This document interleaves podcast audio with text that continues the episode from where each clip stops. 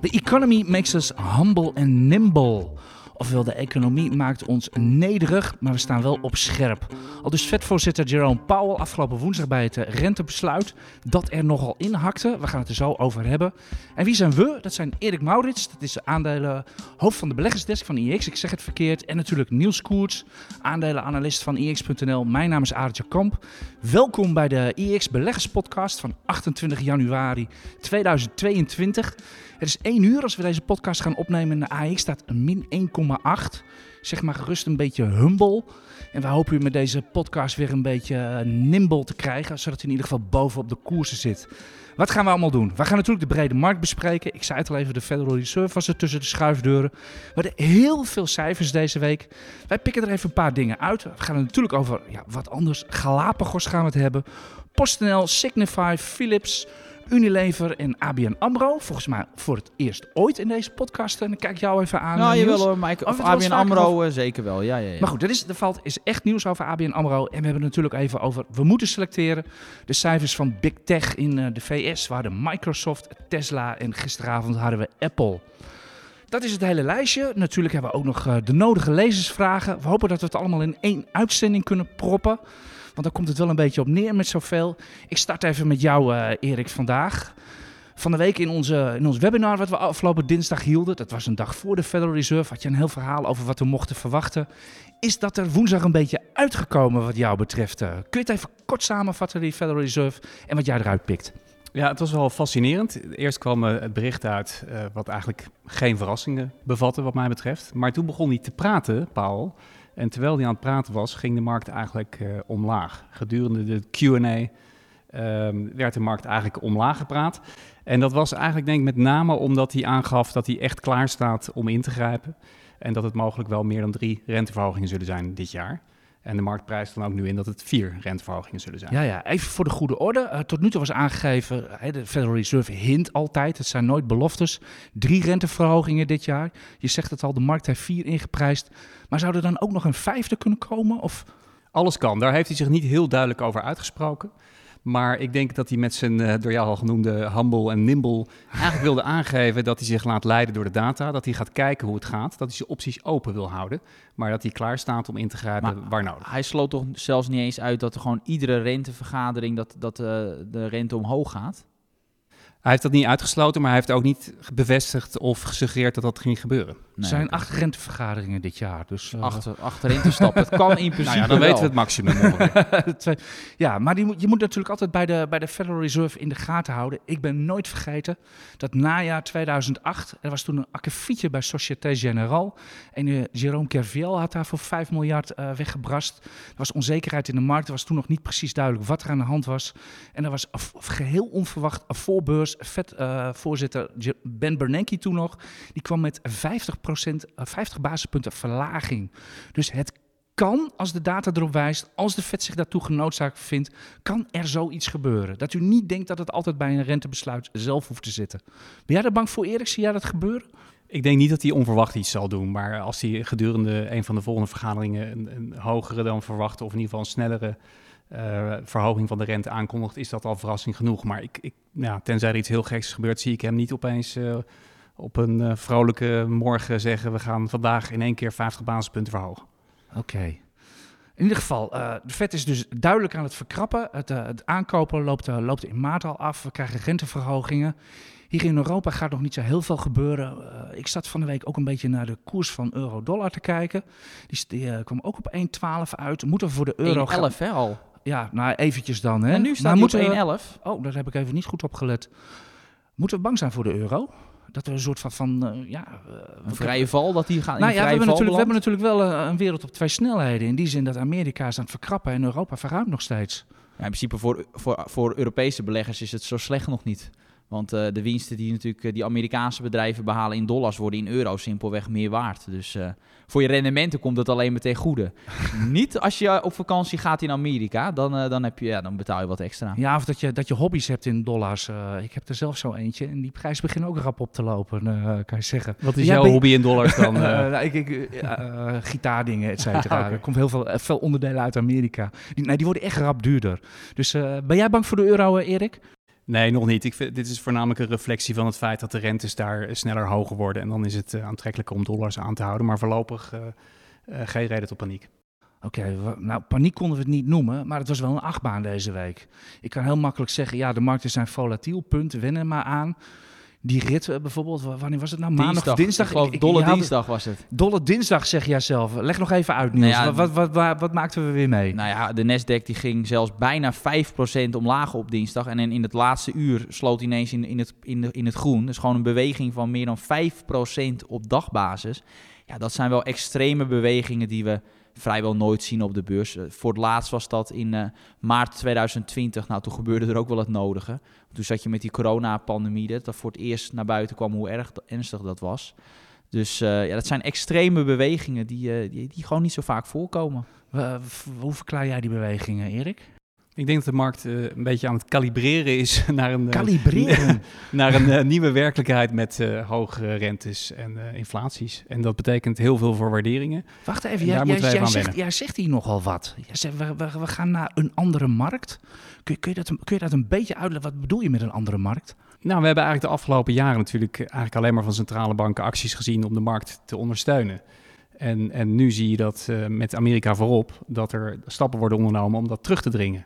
En dat is gewoon een nieuwe werkelijkheid. En, de, en dat, uh, dat zien we nu in de koers. Mag ik advocaat van de duivel spelen? Ik, ik moet eerlijk zeggen dat deze markt mij wel bevalt. We, je zit short. dat iedereen het daarmee eens is. Weet je eens is. Nee. Daar, daarom, daarom, zeg ik het ook zo nadrukkelijk. Ik vind dat er veel gebakken lucht uit de markt verdwijnt. Ja, ik begrijp wat je bedoelt. We hadden natuurlijk de Everything uh, Rally. Alles ja. ging omhoog. Bitcoins, tweedehands auto's, noem maar op. Het was niet gezond. Bedrijven die de eerstkomende 30 jaar geen winst gaan maken.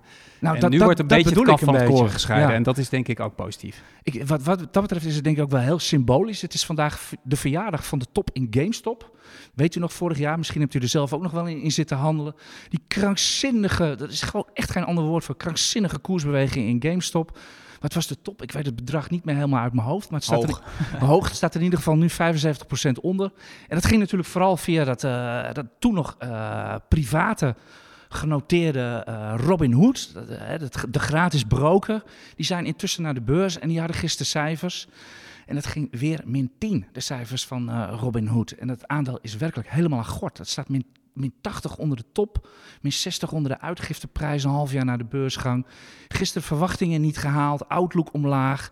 Het was echt, het was echt dramatisch. Ik, ik moet eerlijk zeggen, met dit soort aandelen, hè, dus jij noemde ook al de bedrijven die geen winst maken of wat dan ook, daar gaat, die staan echt allemaal minimaal min 50 tot nog veel erger. Misschien hebt u ze zelf in, in portfolio. En dan was er gisteravond ook nog een of andere Apple, komen ook nog met cijfers en die waren gewoon weer blow-out. Die of verdienen heb, wel heb geld. Jij ze, heb jij ze, hebben jullie ze gezien, uh, nou, ik geloof dat Erik er wel naar gekeken heeft, naar Apple. Ja, dat waren zeker hele goede cijfers. In, uh, in oktober had Koek uh, wel nog gewaarschuwd dat de chipstekorten impact zouden hebben op de omzet. Met 6 miljard maar liefst. En dat kwam er niet echt uit. Tenminste, ze zeiden dat het eruit kwam. Maar de omzetten waren desalniettemin 11% hoger dan vorig jaar. 124 miljard. En hoger dan analisten verwacht hadden. 124 dus het waren miljard. gewoon supercijfers eigenlijk. Ja, ja, die 6 miljard werd overigens bevestigd. Dat dat de schade is in, uh, okay. in dat kwartaal. Met, met, name bij de ja. iPad geloof ik, omdat die uh, heel erg veel verkocht wordt met kerst. Maar dat viel een beetje te, Maar goed, het, het waren gewoon hele, hele goede cijfers. Ja, dat was het enige cijfer wat eigenlijk gezakt was in de rapportage. Uh, de iPad verkopen. Ik vond zelf het mooiste cijfer dat er dit kwartaal uh, kaching 27 miljard naar de aandeelhouders gaat. Aandelen, inkoop en dividend. Ja, 27 miljard. Een hele kleine puntje van kritiek wat je zou kunnen hebben is dat ze in het kwartaal 6 miljard hebben uitgegeven aan uh, research and development, dus aan ontwikkeling en innovatie eigenlijk dus. En als een bedrijf als Apple 27 miljard terugkeert aan de aandeelhouders, maar maar 6 miljard uitkeert aan innovatie, dat is wel een beetje voor een bedrijf als Apple natuurlijk ergens ook een beetje jammer. Dat vind ik wel goed dat je zegt. Maar is dat ook niet het grote verschil tussen, uh, tussen Tim Cook en zijn voorganger, natuurlijk de legendarische Steve Jobs? Die kwam met uh, mooie producten, maar als aandeelhouder had u natuurlijk het nakijken. U moest het louter van de koers hebben. Uh, Tim Cook is nog nooit met een Just One More Thing gekomen. Maar die heeft toch een geld aan ons aandeelhouders uitgekeerd. Daar word je echt helemaal gaaf maar, van. ja, maar je Eh, moet natuurlijk wel je technologische voorsprong behouden. Want op, dat hebben we natuurlijk met Nokia in het verleden gezien. Als je dat niet meer behoudt, dan is dat, kan het ook snel gebeurd zijn natuurlijk. ah ja. Is dit een risico voor, eh, voor Apple? Vind jij dat, eh, Erik? Kort termijn niet. We hebben allemaal, of allemaal, heel veel mensen hebben een iPhone. Je betaalt eh, voor, de, voor de cloud, et cetera, et cetera. Voorlopig eh, zie ik dat niet als een eh, heel groot risico. Wat nog wel ook een klein beetje een risico is dat er in diverse eh, landen worden er rechtszaken aangespannen tegen ze over de, eh, wat ze in de App Store doen en hoeveel ze mensen rekenen en of dat niet een monopolie is. Eh, daar zit ook nog wel een beetje een risico voor, voor Apple. Maar al met al waren het supercijfers en eh, niet een voorbeeld van een bedrijf zoals eh, je net noemde, Robinhood of GameStop of GameStop of dat soort bedrijven. Ja. Nou, Is dat, is dat niet een beetje de crux van deze, van deze markt? Dat je gewoon even, je, je moet gewoon de, de goede, ja die moet je natuurlijk altijd door de goede aandelen, maar gewoon de juist gewaardeerde aan, niet te dure aandelen en helemaal geen fantasierijke aandelen. Om maar een voorbeeld te noemen, een Chevron, ja, een oliebedrijf zoals iedereen het nog steeds noemt, zette gisteren een all-time high neer. Die stonden zomaar. Ja, ja, Kijk maar jij goed, ervan op, Niels? Nou ja, die energieprijzen zijn ook wel aardig opgelopen. Dus ja, een bedrijf als Chevron die, ja, is, is een bedrijf bij uitstek die daarvan profiteert. Dus het verbaast me dan ook weer niet. Kijk jij ervan op? Nee, eh, eens. Eh, met, met de olieprijzen waar ze staan, is het, eh, het zou gek zijn als het bedrijf la- lager stond. Ja, ja. Nou, dan komen, dan komen we natuurlijk ook bij, eh, bij Shell uit. De Royal Dutch hebben we geskipt eh, deze week. Die staan nog ver, ver onder een all-time high. Maar misschien zitten daar dan juist meer kansen, of niet? Nou ja, goed, die hebben natuurlijk ook een dividend eh, natuurlijk geskipt. Of eh, geskipt, eh, fors verlaagd afgelopen jaar. Of nee, in 2020 was dat het geval.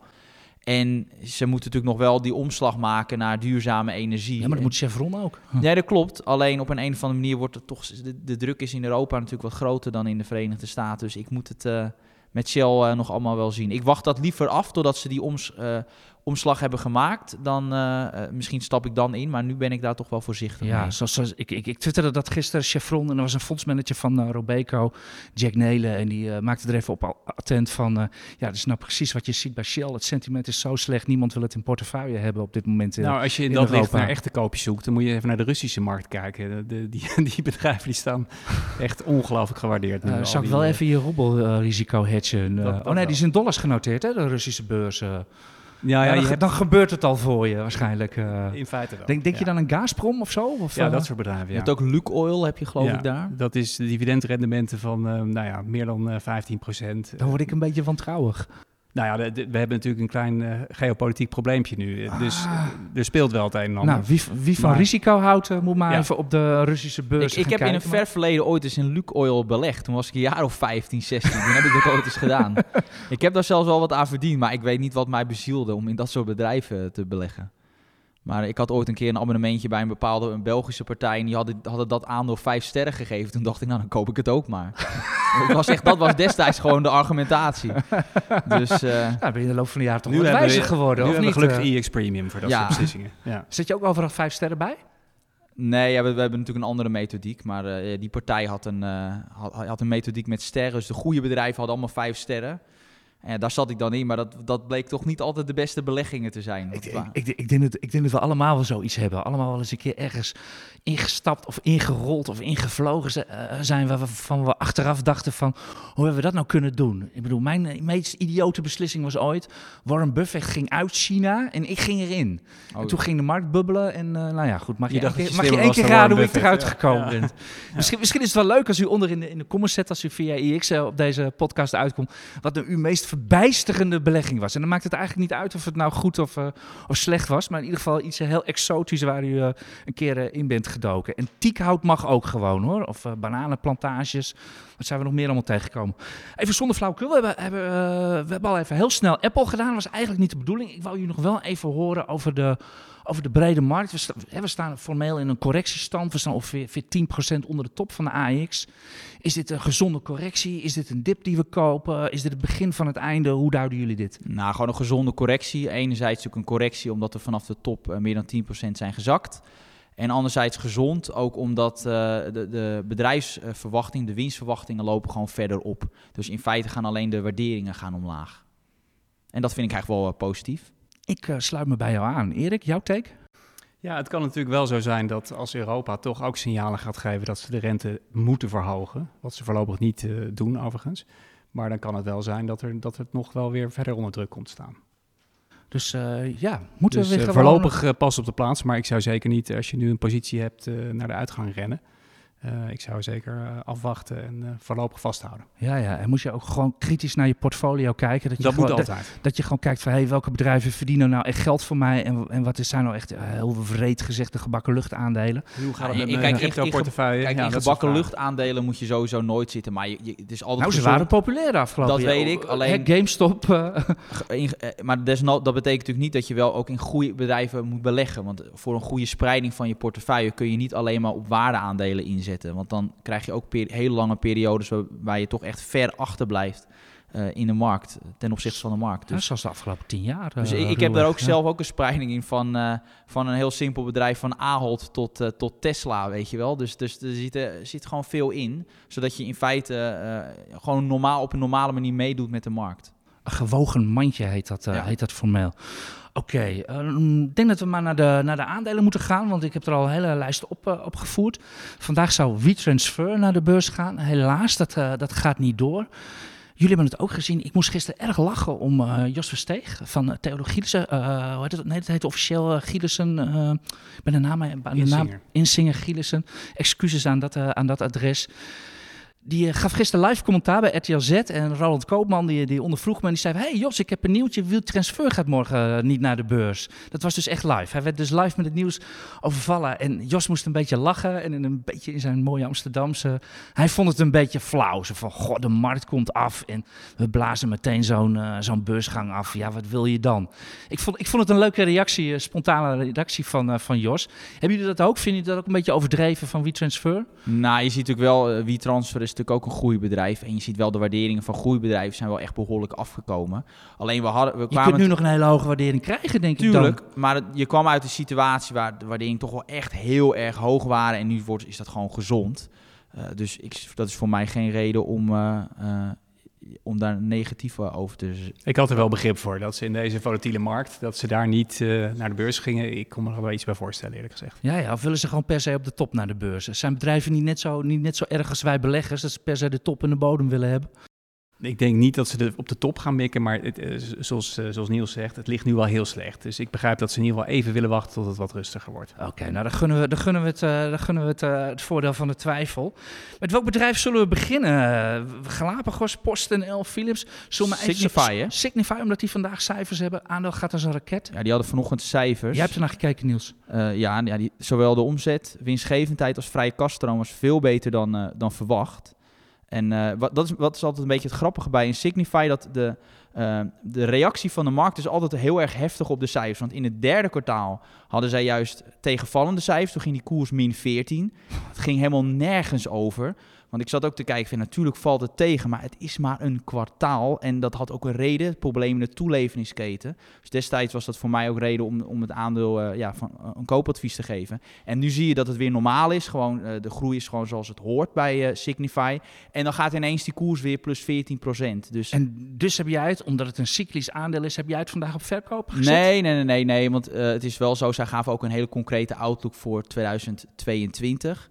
En ik ben daar natuurlijk ook een beetje mee gaan rekenen. Dus eh, ik heb ook mijn koersdoel wel wat verhoogd. Dus eh, ja, ik zie nog steeds wel een opwaarts, net mooi opwaarts potentieel in. Dus eh, alleen echt toen in november, ja, toen zag ik, ja, toen was dat wel. Het was een extreme daling. En ja, nu. Ja, mooie, mooi, echt gewoon mooie cijfers. Ik zag die cijfers. Het eerste wat ik dacht van, nou, nou dit wordt wel een plus 10 eh, vandaag. en eh, het is zelfs iets beter. Ja, zeg je daar nou met de wijsheid achteraf? Nee, nee, of- nee, ik heb het geloof ik gewoon in de chat gezegd. Ik had nog gezegd, ah jee, je mag dat in je morning call, mag je dat zeggen? Niels Koers Ah, verwacht ik- plus dat heb ik- 10%. Dat heb ik gemist en het spijt Ja. me dan, want dan had jij even mooi gescoord. hè. Want het was, natuurlijk, eh, het was natuurlijk goed. Als er één ding tricky is, als je 's ochtends cijfers voorbij ziet komen, ga de opening maar raden. En zeker, zeker in zo'n markt. Deze durfde ik wel aan hoor. Dat, nou, het kan soms ook. Nou, ik, ik heb daar zeepers mee. Ik denk dat iedereen daar wel eens flinke zeepers mee, eh, mee heeft gemaakt. eh. Signify, heb jij er wat mee, eh, Erik? Ik, ik, het is zo'n aandeel uit de AX waar ik niks mee heb. Nee, het is wel opgevallen dat het een van de drie eh, grootste stijgers dit jaar is. Maar verder eh, kijk ik volledig naar Niels. Maar er zijn, er zijn heel, heel veel mensen op een een want het is best wel een populair aandeel, ook bij onze premium lezers. Ja, dat verbaasde mij ook populairder nog dan Philips. Terwijl bij Philips, dan gebeurt er nog wel het nodige. Eh, ja, dat, dat mag je wel zeggen. Ja, dat komen we zo. Ik ga even via. eh, ik maak even een bruggetje via Axel. Waar natuurlijk deze week een, eh, een bot op was eh, van, eh, van KKR. En Is dat, is dat een ook bot, denk je, Niels? Axel? Ja, ja ik weet er helemaal niks van.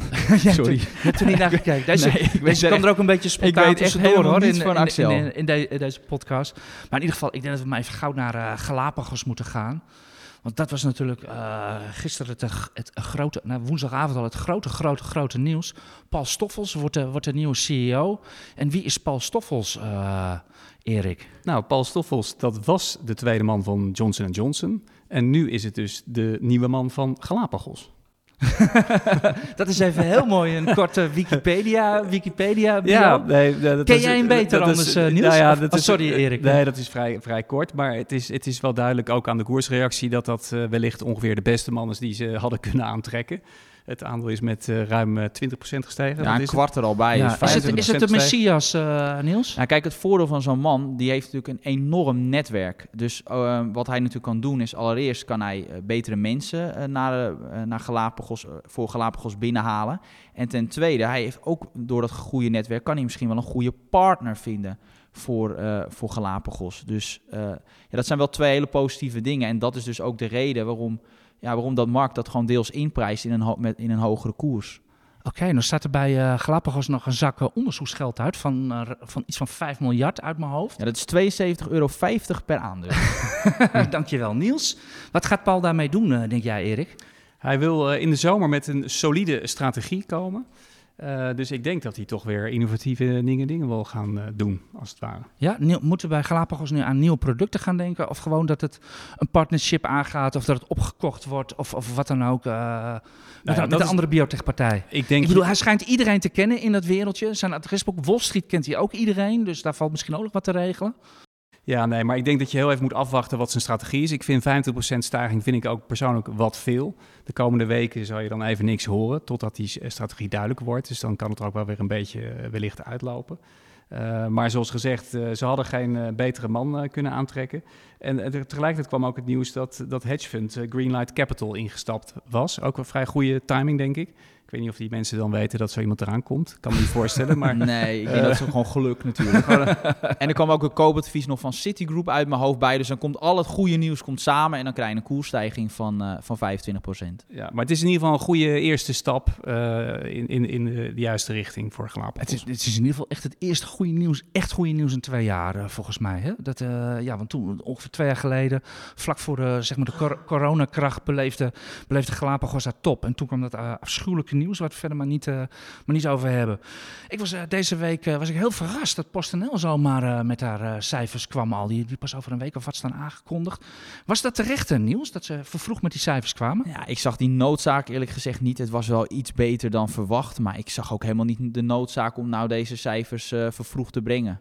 Omdat het was nou niet, ik vond nou niet extreem goed. Ja, ze gaan een deel van het aantal eigen aandelen inkopen. Maar ja, dat is puur omdat ook eh, met het dividend kunnen mensen kiezen voor stokdividend. En dan komen er weer een aantal aandelen bij. En die kopen ze dan weer in. Nou ja, wat een nieuws zeg. Ja, ik, ik, ik vond het allemaal niet eh, heel erg spectaculair. Dus eh, het is waren wel zo. waren, de cijfers goed over het vierde kwartaal? ja, het was iets beter dan verwacht. Maar je ziet wel al meteen dat dat corona-effect een beetje uitloopt. En daardoor was ook het vierde kwartaal allemaal net even wat minder. Maar goed, dat was allemaal al verwacht. Want ik geloof dat de PostNL sinds de top ook wel behoorlijk fors is gezakt. Dus Komt, er zat, al het, van 5 euro, dus ik kan het zo Daarom. uitrekenen. Ja. er zat al het nodige in de koers. Maar ik, ja, ik, voor mij hadden ze beter gewoon even kunnen wachten met de cijfers. Maar goed, de markt was er, te, was er tevreden mee. Ja.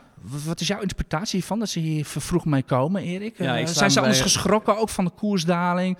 Of dat, dat, hè, dat gedoe wat er is over die koers die al dan niet naar beneden wordt gemanipuleerd? Eh ja, ik weet Daniel het die- eh, die zich naar binnen werkt. Nou ja, daar, daar ben ik eigenlijk wel benieuwd naar. Daar hebben we niet zoveel over gehoord natuurlijk nog deze week. Maar de- dat is misschien bij de cijfers als ze echt uitkomen op 28 februari horen we daar meer over. Maar wat wil hij nou precies met zijn belang van eh 25%? Dat lijkt me interessant. Deze week niks over gehoord. En ik weet niet of die eh, inkoop van 250 miljoen aan eigen aandelen, of dat de reden was dat naar buiten is gekomen. Maar ik kan me niet voorstellen. Maar verder heb ik het ook niet gezien. Nee. Is, er, is het eigenlijk al bekend of die Kretinsky alles gesproken heeft met de board? Of, of niet? Is daar, is daar al iets... eh, jullie weten Ik ga er wel vanuit, als jij, Ja, dat- zoveel, als jij een zo'n groot eh, belang hebt, heb je gewoon het recht om, om individueel met, eh, met de CEO te praten. Dat is heel gebruikelijk bij bedrijven. Dus eh, nou ja, misschien heeft hij al een keer een, een broodje gedaan met, eh met Henna Ik geloof zelfs dat Eh, hij ook, als hij wil, geloof ik, commissarissen naar voren kan schuiven. Dus dan zal hij ongetwijfeld wel eens een keer in Den Haag gesignaleerd zijn. Oké, ja, het zit er zo'n beetje iedere week in. We moeten het toch nog wel even kort hebben over Philips. Er waren deze week definitieve cijfers nieuws. Dat is jouw aandeel. Het lijkt alweer een eeuw geleden, hè, want ze waren maandagochtend. ja, het is inderdaad wel een week dit jaar. Ja, nee, maar eh, het, het waren natuurlijk een draak van een vierde kwartaalcijfers, want ze hadden al die winstwaarschuwing gegeven. Dus ja, daar ga ik niet te veel op in. Dat was gewoon slecht. Ehm, maar ehm, wat wel interessant is, is dat, uh, dat topman Frans van Houten zei dat, ja, dat hij in 2023 pas meer duidelijkheid verwacht over eventuele schikkingen of eventuele rechtszaken in de Verenigde Staten. Dus dat gaat echt nog wel eventjes uh, op zich wachten. dan is natuurlijk een grote vraag van ja, de hamvraag, hoe groot gaat die uh, kostenpost, hoe groot gaat het oplopen? Ja, maar als, als ik je mag onderbreken, kun, jij een soort van worst en best case scenario in deze geven? Ja, daar zit wel een heel groot verschil in tussen het uh, worst case scenario en het best case scenario. Nou, laat maar horen. Ja. In mijn best case scenario, dat, dat betekent dat er slechts maar een beperkt aantal slaapopneuapparaten ook daadwerkelijk kankerverwekkende stoffen hebben uitgestoten. Dan zit ik op 200 miljoen schade. Maar in het allerslechtste scenario kan er ook nog een hele beerput openkomen en dan zit ik al op 10 miljard. Dus 200 miljoen. Ja, maar dat, dat, dat, geeft, dat is een spread. Dat is een extreme spread. Maar dat komt dus ook omdat we nog niet zo heel veel weten. Mijn basisscenario is dat ze het gaan schikken voor 3 miljard. Uh, maar daar zit nog zo heel veel tussen, omdat we nog niet zo heel veel weten. Wat moeten we nou met het aandeel? Ja, ik, ik, ik heb hem wel het advies uh, wat verhoogd. Ik, zei, ik heb natuurlijk lang geroepen van, nou ja, op, met zoveel onzekerheid uh, kan je het eigenlijk niet kopen. Alleen op een gegeven moment zakt een aandeel wel dusdanig ver onder zijn fair value... Dat je eigenlijk wel gedwongen bent uh, om het te verhogen. Ik zeg ook gedwongen omdat het eigenlijk een beetje tegen mijn gevoel ingaat. Maar ik denk wel op dit, dat dit voor de lange termijn... ik blijf er nog steeds van overtuigd dat ze opereren in een echt een, een, lange termijn groeimarkt met de vergrijzing, met de hoog, kwalitatief hoogwaardige apparaten die ze produceren. Ja, maar kun je dan niet, omdat het, nou, die rechtszaken komen volgend jaar, kun je dan niet gewoon nog even een jaartje links laten liggen en dan maar eens weer kijken? je kan dat niet tegen iedere prijs. Kijk, ik heb nog steeds als basisscenario een koers, uh, een fair value van 43 euro. Ja, als dan het aandeel zakt naar 28, ja, dan wordt het wel aantrekkelijk. Ja, dat is een beetje de spagaat, toch? Ja. Bij, bij, bij Philips. Het bedrijf draait eigenlijk heel goed. En dan, ja, dan slepen ze deze affaire achter zich aan. Dus ja, op een gegeven moment komt er gewoon een, een, niveau dat ik denk van, nou, dat is wel aantrekkelijk. En dat was dan die 28 euro. Ja, durf jij het aan, uh, Philips, uh, Erik? Ik durf het zelf wel aan, maar ik denk als je langetermijn belegger bent, uh, waarom zou je niet nu naar andere aandelen kijken? Er zijn genoeg andere kansvolle aandelen. Die, uh, die, die spread die Niels geeft op, uh, op die claims tussen de, wat was dat, zijn nou, 2 en de 10 miljard, dat is nee, nogal 200 miljoen en de 10 miljard. Ja, Oké, okay, maar daar zit, ja, nogal, daar, zit, daar zit nogal wat tussen. Ja, dus gewoon dus, ja, maar, dus als je er nu niet in zit, waarom zou je dan, ja, het is nee, natuurlijk zijn er andere aandelen, maar in die sector heb je bijvoorbeeld ook een Siemens Healthineers. Ja, dat, heeft gewoon, dat is gewoon twee keer zo hoog gewaardeerd. Dat is een extreme waardering zit daarop. Dus als je echt in deze sector wil beleggen, vind ik Philips wel in Europa de meest aantrekkelijke speler. Ook ondanks dat risico dat er op dit moment in zit. Oké, okay, over extreme waarderingen uh, gesproken. Ene Tesla. Nou, ik denk voordat we naar Tesla gaan, denk ik toch, die bewaren we een beetje voor het laatst, dat we naar de luistervragen gaan. Oh, we gaan eerst, we gaan eerst, naar, we gaan eerst naar de lezersvragen. Oké, okay, brand, maar, maar los, Niels, jij leest altijd op. Uh.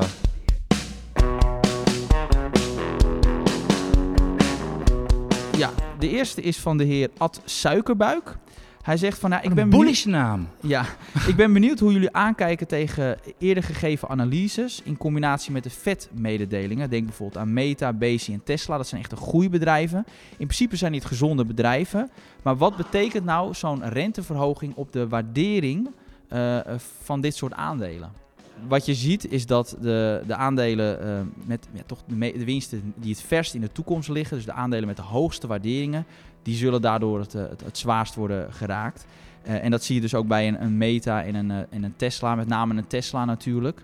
Um, maar goed, die bedrijven hebben op zich geen schulden op de balans staan. Dus voor het bedrijf zelf betekent het uh, niet zo heel veel. Dus uh, ja, de, de, waarderingen gaan omlaag, dat zie je op de beurs. Maar ik zou ja, me daar niet zo heel veel zorgen er ook al een beetje deze uitzending mee. Hè? Ja, de, de, de, de hooggewaardeerde aandelen. Ja, ik vind, vind een prachtig voorbeeld bij ons hier op Euronext zijn natuurlijk Adyen en ASML. Uh, fantastisch. Uh, het draait allemaal als een lier, die bedrijven. Maar ja, u ziet er wel de minnen op het bord staan. Maar de waarderingen, ja, de waarderingen zijn flink afgekomen. Precies, en om er wat aan toe te voegen. Je moet wel een verschil maken tussen bedrijven die winst maken... Uh, en bedrijven die geen winst maken. Want als je dus inderdaad in zo'n sector zit, zo'n techsector, en je maakt geen winst, dat betekent dat het en die verdisconteringsvoet uh, verschilt, maar je moet ook misschien meer gaan lenen tegen hogere rentes.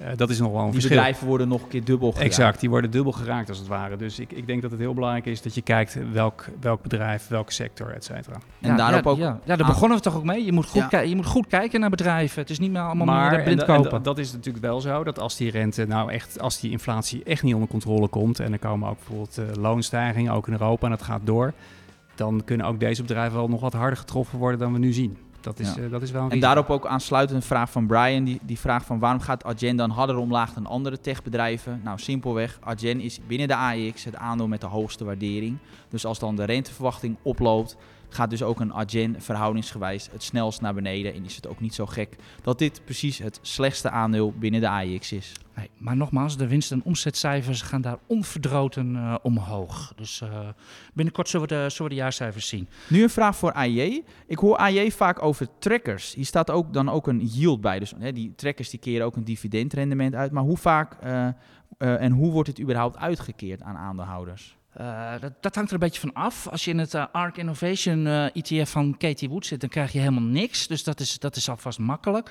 Het verschilt een beetje. De ene trekker die herbelegt zelf, zoals dat dan zo mooi heet. Dus het geld wat er binnenkomt aan dividenden, dat gaat de fondsmanager of, of, of de, de algoritmes of hoe zo'n trekker in elkaar zit, die herbelegt dat zelf in die, in die aandelen. Bij die andere krijgt u het gewoon cash op uw rekening gestort.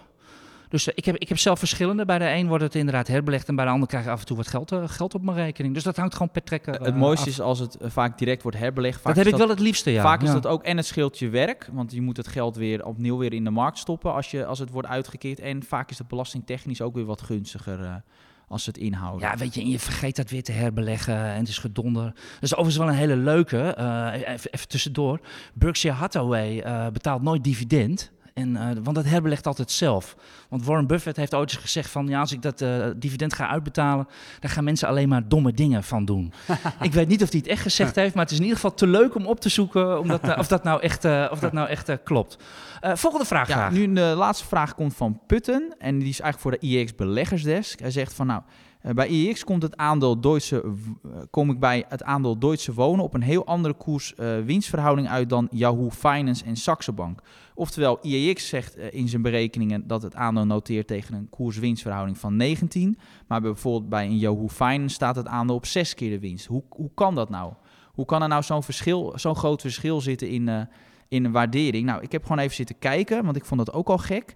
Maar wat je ziet is dat, eh, wat ik vermoed is dat da- eh, de Yahoo Finance, die haalt zijn data uit Reuters en die genereert het automatisch. En ik verwacht dat daar iets mis eh, mee is gegaan, want de, de waardering van IEX, die een koers-winstverhouding van 19 geeft, ja, die klopt gewoon.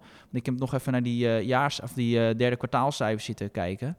Eh, ja, dat is gewoon in lijn met wat wij, eh, wat wij geven. Dus er kan soms, als je, je ziet als je naar Yahoo Finance gaat, dan zie je bij ieder aandeel zie je er wel een waardering staan, maar dat hoeft niet altijd te kloppen, want dat is allemaal ja, gebaseerd op automatische data. Dus dan moet je altijd wel even wat, wat verder ook zelf. eh, Ja, je moet altijd kijken. dubbelchecken. Het is de grote nachtmerrie inderdaad van iedereen die in de markt werkt... dat je analyses zit te maken op basis van verkeerde data. Dan ga je de fout in terwijl je er eigenlijk niks aan kan doen.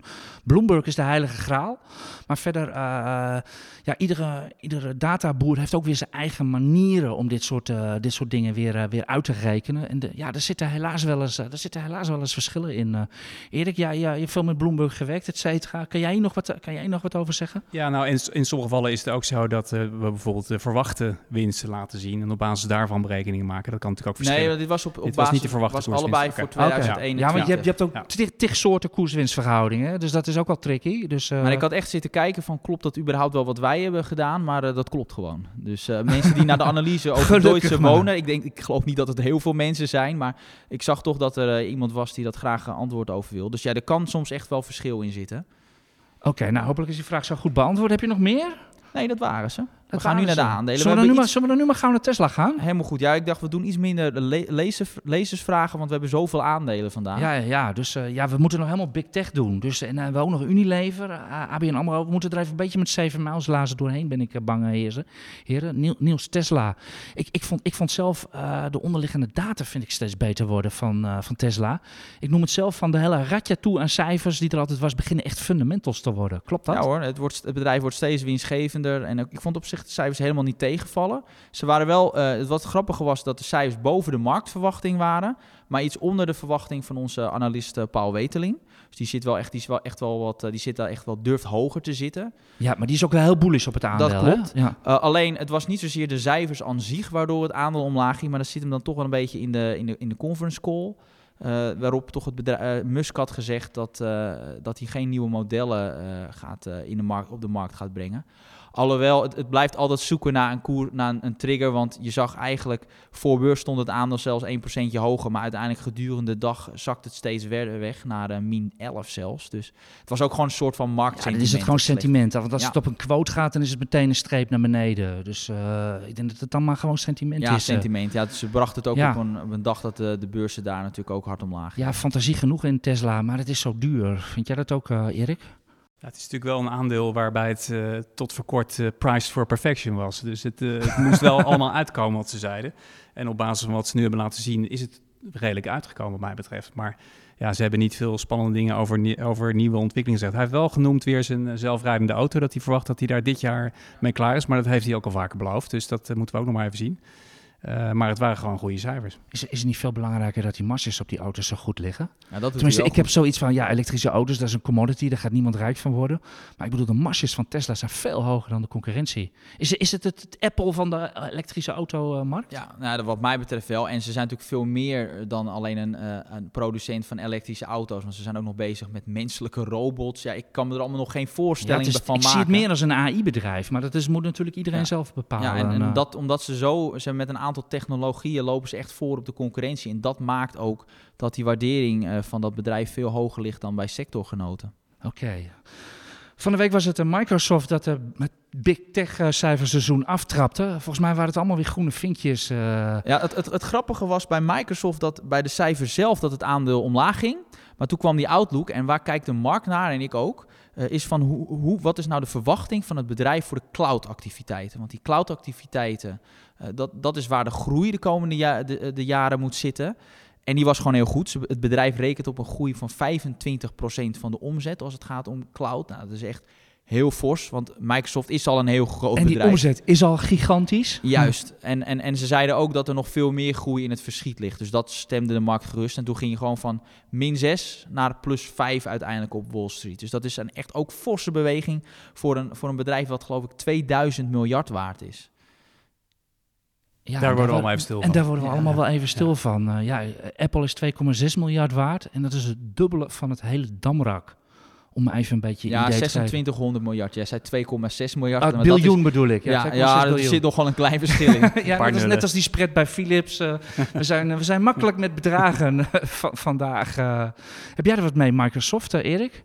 Ja, zeker. En ik vind het ook wel, daar, daar was deze week dan niet zoveel nieuws over. Maar de, de overname van uh, Activision, uh, dat, dat vind ik wel een goed verhaal eigenlijk. Dat ze ook dat gaming verhaal uh, verder gaan uitbreiden. Dat is nu geloof ik 8% van de omzet. Uh, maar, maar kijk, kijken toezichthouders nu, nu heel kritisch naar overnames van Big Tech? Nou, dat, dat zal nog wel even spannend worden. Hè, want we hebben natuurlijk eigenlijk wel een blunders gehad. Hè? Alphabet, dat, uh, of toen nog Google, dat YouTube kocht. Dat zou nu echt niet meer gebeuren. Facebook, dat WhatsApp, Instagram kocht. Zou nu ook niet meer gebeuren. Gaat Microsoft Activision Blizzard overnemen? Nou ja, de verwachting is dat het wel kan. Omdat binnen de gaming-industrie zijn ze dan nog steeds niet de nummer 1 of 2. Zijn ze nummer 3? Nummer 3 precies. Achter Sony en uh, Tencent. Ja, dus de verwachting is dat ze het wel gaan toestaan. Maar we moeten zien, misschien zijn ze toch wat strenger, omdat ze kijken toch naar het totaalplaatje. En het gaat natuurlijk niet alleen over gaming, het gaat over van alles. Uh, dus ik, ik, ik ben benieuwd, maar ik denk dat het wel doorgaat. Oké. Apple hebben we al even gehad. En uh, volgens mij ben ik dan door Big Tech mee. Daar heb ik nog twee Nederlandse aandelen staan. Uh, Unilever en ABN AMRO. Ik was hoogst verbaasd dat de minister van Financiën Sigrid Kaag... die wil de rest van ABN AMRO naar de beurs uh, brengen. Waar haar voorganger uh, Wopke Zijlstra, die nu de stoel nou, warm Wopke houdt... Hoekstra. Op... Oh, sorry. Je had Halbe Zijlstra en Wopke Hoekstra. ja, ik haal een beetje buitenlandse zaken en financiën door elkaar, uh, geloof ik. Dankjewel voor de interruptie, Niels. Inderdaad, Wopke Hoekstra heeft in de tijd dat hij minister van Financiën was... niet één aandeel ABN AMRO naar de markt gebracht... Uh, levert het verkoopdruk op uh, 56% van de aandelen? Heeft de staat nog? Uh, want dat is de grote vraag die iedereen heeft. Uh, tenminste, die ik om mijn oren kreeg. Ja, het was enigszins een verrassing. Dus in, in 2017 werd aangekondigd dat de staat het belang verder zou afbouwen. Maar hebben ze eigenlijk niet gedaan. En, en toen dit kabinet gevormd werd, hebben ze er niks over gezegd. Maar nu kwam opeens naar buiten dat ze toch weer willen gaan verkopen. Uh, maar op zich is het natuurlijk geen verrassing. al sinds uh, de staat het belang genomen heeft, is de bedoeling dat ze er vanaf gaan. Maar, ja, ik snap wel waarom ze het doen. De koers is gewoon heel hard gestegen. En ze denken ze, nou, dan gaan we nu cashen. Want ja, ik weet niet of ze echt aan market time zijn. ik weet het niet. Nou, ze, ligt toch gevoelig hoor. Dat, je wilt toch als, als overheid dat je dat nog met winst kan verkopen. Dat, is, dat geeft toch ja, betere... Ja, even, om, om, even tussendoor te glippen. De, de, uh, de sigarendoossom is 25 euro per aandeel, toch? Om er voor de staat een beetje, ja, een iets, beetje break-even uit te komen. zelfs, geloof ik. Dus ik bedoel, als je vanuit dat perspectief van winst maken, dan zitten ze nog steeds niet helemaal lekker. hebben ze niet gewoon dividend ook nog gehad in de tussentijd? Als je dat er Zelfs dan is het nog niet een winstgevende belegging geweest. Dus maar goed, is, uh, maar de, de, de overheid is er toch ook niet om winstgevende beleggingen te doen? Zo, zo, zo, lijkt de overheid wel te denken. Als je bijvoorbeeld ook uh, kijkt naar de belangen in Air France KLM. Ja, uh, dat is wel een soort... Nou, kijk, dat is het leuke bij Air France KLM. Als je, de, als je de koersgrafiek van de afgelopen drie jaar erbij pakt... dan moet je het allerhoogste piekje vinden. En dat is dan precies het bedrag waarvoor de koers... waar de Nederlandse staat uh, ja, was het belang 12, heeft Was dat niet 12 euro of zo? Ja, het is echt, echt bizarre timing. Dat is maar, even, maar even, even serieus. Die, man, die mensen die bang zijn voor verkoopdruk in ABN AMRO. Erik, jij zei er net wat zinnigs over toen we dit gingen opnemen. Je ziet aan de koers dat mensen zich daar duidelijk geen zorgen over maken. Nee, er gebeurde niks. Dat er gebeurde niks. Dus het, het is natuurlijk... Ten eerste was al duidelijk dat de staat er vroeger of later af uh, uit zou moeten. En, en ten tweede is het uiteindelijk, denk ik, voor ABN AMRO zelf beter... als dat staatsbelang afgebouwd is. Uh, dan, dan kunnen ze meer doen wat ze zelf willen. Zijn ze flexibeler, geen bemoeienis. Kunnen ze ook uh, weer fatsoenlijke bonussen uitkeren. Hè? Kunnen ze zich ook gewoon weer laten verkopen. Nee, ja, ik, ik denk dat het uiteindelijk positief is. Oké. Wie misschien ook wat te koop staat, is Unilever. Er was van de week natuurlijk nieuws. Er worden 1500 managers uh, worden ontslagen. Het concern wordt opgedeeld in vijf divisies. Ik, toen ik dat zag, die vijf divisies, dacht ik van uh, de concurrentie leest ook mee. En die gaan misschien wel eens even met elkaar bellen om een bot te gaan uitbrengen. Ben ik nu iets te enthousiast, uh, heren? Poeh. Nou, ik weet niet of je... Nou ja, misschien. De, wat wel opviel is dat bijvoorbeeld binnen de tak uh, voedsel... is er een aparte divisie nu voor ijs en, en uh, voeding, geloof ik. Dus het lijkt wel of ze bepaalde onderdelen kanten klaarmaken... om eventueel misschien uh, naar buiten te brengen. Ja, dat zou kunnen. Of zelf naar de beurs brengen misschien. of, of een dochteronderneming van maken of wat dan ook. Ja, precies. En, en, dit kwam vlak na het nieuws dat uh, die activistische belegger Peltz uh, ook een, een, een, belang heeft genomen en ook allerlei actie eist. Toen kwamen ze meteen naar buiten dat ze allemaal managers gingen ontslaan en de divisies opnieuw instellen. Dus Is Unilever de regie kwijt? Nou, ze proberen in ieder geval te herpakken nu door deze aankondiging van die reorganisatie en die nieuwe indeling. Maar de vraag is wat hij, wat die Peltz nou precies wil en wat hij gaat doen en uh, hoeveel hij voor elkaar gaat krijgen. Hij zat eerder grappig genoeg bij Procter Gamble. Uh, een succesvolle tegenhanger ja, die hebben iets hogere marges. Ik geloof het dubbele van Unilever. Ja, maar daar is hij in 2017 aan boord gegaan. En toen vonden ze het eerst ook een beetje raar en vervelend. Maar daar heeft hij allerlei dingen kunnen doorvoeren, waardoor onder andere het zo goed gaat daar. Ja, dus bij Nestlé weet, precies hetzelfde wie verhaal, weet, met Daniel Leup en, uh, en onze vriend Jan Benning. Dus die hebben daar hetzelfde voor elkaar gekregen. Dus wie weet is het eigenlijk wel positief voor maar goed, sowieso. Wat, ja, wat moet je met de aandelen doen als je ze hebt of wat dan ook? Is het ook leuk om aan boord te nou, kijk, Als, als aandeelhouder zou ik wel blij, ik ben het zelf niet, maar zou ik wel als je dan berichten leest, we willen vooral managers gaan uh, ontslaan, daar word ik dan wel weer blij van. Ja, dat, dat zijn toch meestal die, veel mensen die heel veel kosten en vrij weinig opleveren. Dus uh, goed, dat is een persoonlijke titel. Maar, uh, maar dus, dus ja, dat zou ik toejuichen als aandeelhouder. Maar, uh... Moet je nu nog aan boord springen? Zo van, nou, er komt misschien wel een leuke overnamepremie aan of, of wat anders of wat dan ook? Dat, dat weet ik eerlijk gezegd niet. Maar in, Speculeren, hè? Ja. Nou ja, daar, daar ben ik op zich niet tegen. Maar in deze tijden, volatiliteit, et cetera, is een aandeel als Unilever vind ik niet slecht. Ik bedoel, het is een beetje ondergewaardeerd. Het zou het beter kunnen doen. Daar zijn nu allemaal mensen mee bezig.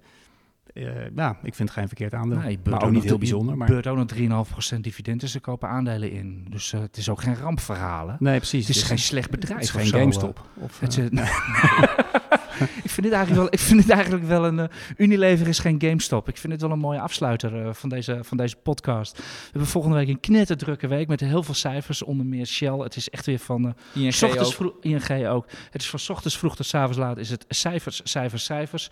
We zien wel wat de AX ervan gaat maken. Of het bij deze dip blijft. Of dat het nog uh, erger wordt. Of dat we weer teruggaan. We merken het allemaal wel. Ik wens u alvast een heel prettig weekend. Ik dank mijn collega Koen Grutters nog even. Die hier deze podcast regelt. En helemaal zorgt dat u die uh, fatsoenlijk kan beluisteren. En deze podcast hebben we echt heel spannend opgenomen op de zolder van Beursplein 5. We zitten echt helemaal in de nok van het, uh, van, nok van het gebouw. Nogmaals, prettig weekend, veel succes op de beurs en bedankt voor het luisteren.